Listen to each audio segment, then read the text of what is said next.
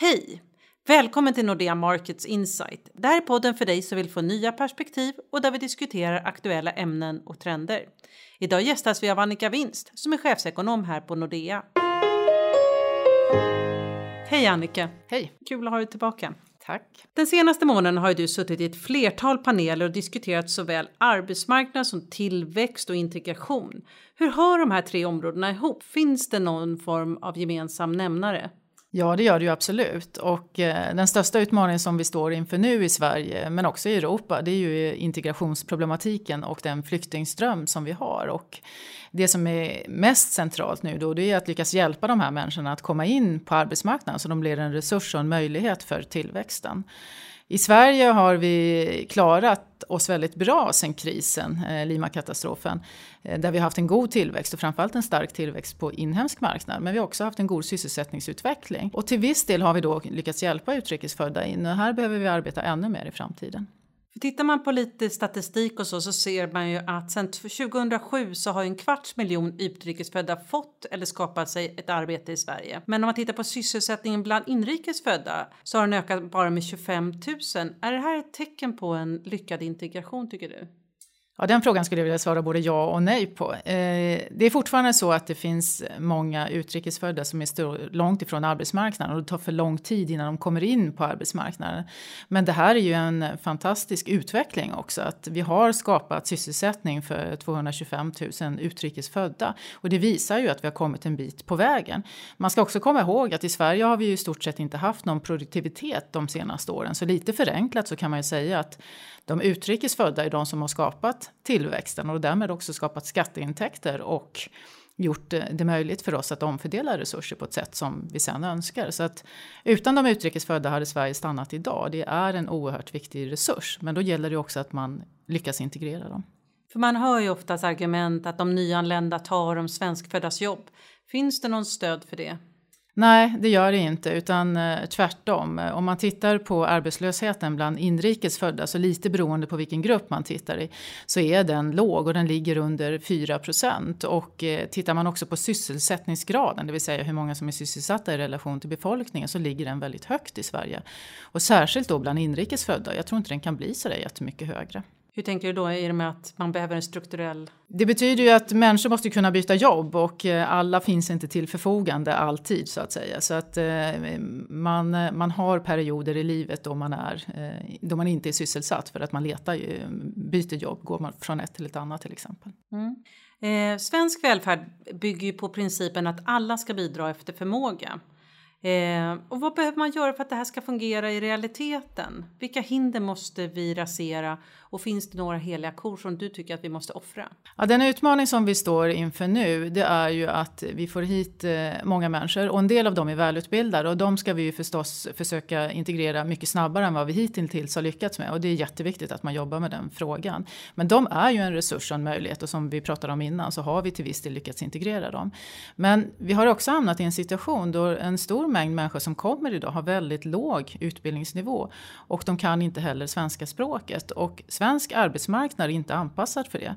I Sverige har vi ofta tänkt att vi vill inte vara ett USA där man behöver tre jobb för att försörja sig och det, det har vi kunnat tänka när de flesta haft gymnasiekompetens och, och talar svenska språket. Men nu står vi inför en helt annan verklighet och jag tror att det är oerhört viktigt att vi då försöker lyfta på alla stenar och skapa all form av sysselsättning som vi bara kan för att säga till människor att de är välkomna hit men de är inte välkomna in på arbetsmarknaden. Det är väldigt inhumant. Det betyder att de inte kan försörja sig. Och det skapar också, tror jag, oerhörda spänningar i samhället. Dels för de människorna som kommer och som inte ser någon framtid här men ändå på något sätt är fast i systemet. Eh, men också bland svenska folket som ser att det är en kostnad men man använder inte resursen. Det tror jag att man kommer sparka bakut ifrån. Därför är det oerhört viktigt att man funderar på alla håll och kanter. Hur kan vi göra? Och det handlar inte bara om att man ska sänka ingångslönerna utan det, det är en bred eh, konfrontation här man ska göra med allt vad man kan. Och jag får också ofta höra att människor säger att om man sänker ingångslönerna så utgår man ifrån att människor fastnar där. Det tror inte jag utan det finns ju en drivkraft hos människor också att man kan få ett första jobb som är enklare med lägre lön. Men sen kan man ju växa därifrån. Men vad skulle det här vara för slags jobb kan man ju fråga sig då som de här personerna som inte kan svenska och inte har någon utbildning ska kunna ta? Det finns ett antal tjänstejobb som vi har sagt nej till i Sverige tidigare som finns i andra länder. Enklare service helt enkelt, där jag tror att vi måste öppna upp.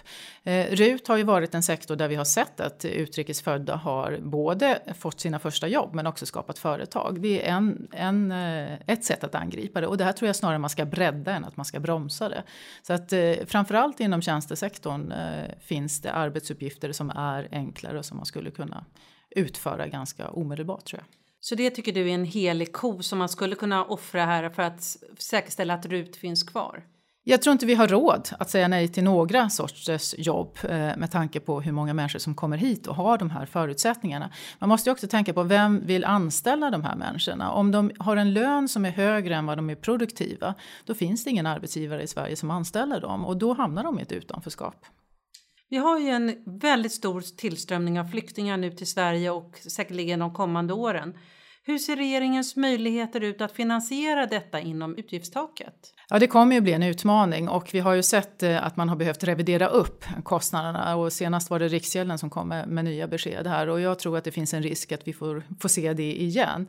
Eh, jag tror att lösningen inte blir att man spräcker utgiftstaket utan snarare så att man behöver utöka utgiftstaket och att man hanterar det den vägen. Men eh, jag har svårt att se att det inte kommer att behövas mer kapital än vad vi har diskuterat hittills. Om vi då ser till BNP, vad betyder det för Sverige? Ja, de flesta ekonomer är överens om att det här kommer att bidra till att tillväxten blir högre för att man eh, behöver sätta in resurser. Men frågan är ju hur mycket och hur snabbt vi mäktar med det här. Dels ska vi bygga bostäder, men vi ska också ha lärare och vi ska ha socionomer och så vidare. Och då handlar det om hur snabbt man kan få den här eh, sortens resurser på plats. Eh, och ja, mellan tummen och pekfingret så skulle jag gissa att det snarare handlar om några tiondelar i närtid än om att det handlar om någon procentenhet. Men eh, det här får vi räkna noggrannare på, men positivt eh, är nog alla överens den som att det är för tillväxten. Om vi tittar på um, vad du skulle ge för råd till arbetsmarknadens parter för att gemensamt skapa en svensk tillväxt där alla bidrar efter förmåga, vad skulle det vara för någonting? Jag tror det är viktigt att man hjälps åt både från eh, de politiska partierna och regeringen förstås, eh, men också att fack och arbetsgivare, men också företagen bjuder till. Och eh, om vi börjar med företagen så har vi ju i, som tradition inte ett lärlingssystem på samma sätt som i Tyskland till exempel. Och jag tror det är viktigt att företagen bjuder till på alla håll och kanter att erbjuda platser där folk kan få träna och vara på, på företagen för att den vägen komma in snabbare och öka hastigheten i integrationen helt enkelt. Men som vi också pratade om innan, att se över eh, flexibilitet, löner, eh, möjligheter att öppna nya marknader, eh, tjänster som vi inte haft, hur kan vi få fram dem? Och, och då handlar det också om regelverk. Och, men också att facken som tänker insider outsider, det vill säga att är du inne på arbetsmarknaden och har ett jobb Eh, så är du ganska nöjd med att eh, löner och regler är förmånliga. Men är du utanför så är du utstängd. Och här tycker jag också att man behöver diskutera. Här, här tycker jag faktiskt att eh, Såväl politiker som facket bara de senaste veckorna faktiskt har öppnat upp och bjudit till på ett sätt som jag inte har hört tidigare, vilket jag verkligen välkomnar. Det låter väldigt positivt, för vi hade ju redan ett utanförskap innan de här stora flyktingvågen kom. Jag tror att de personerna nu ser mer hoppfullt på att det öppnas upp nya möjligheter. Oftast är det ju så i kriser att det kanske är lättare att ta de stora eh, besluten för att du måste, du har inget alternativ. Och så var det med finanskrisen till exempel. Och så skulle det också kunna vara med den här krisen, att nu är det så akut så det går inte att vänta.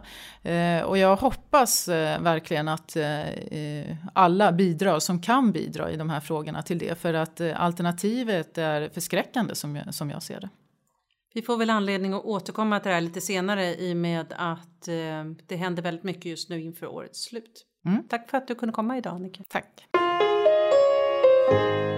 Tack för att du har lyssnat. Du hittar mer information på nordea.se.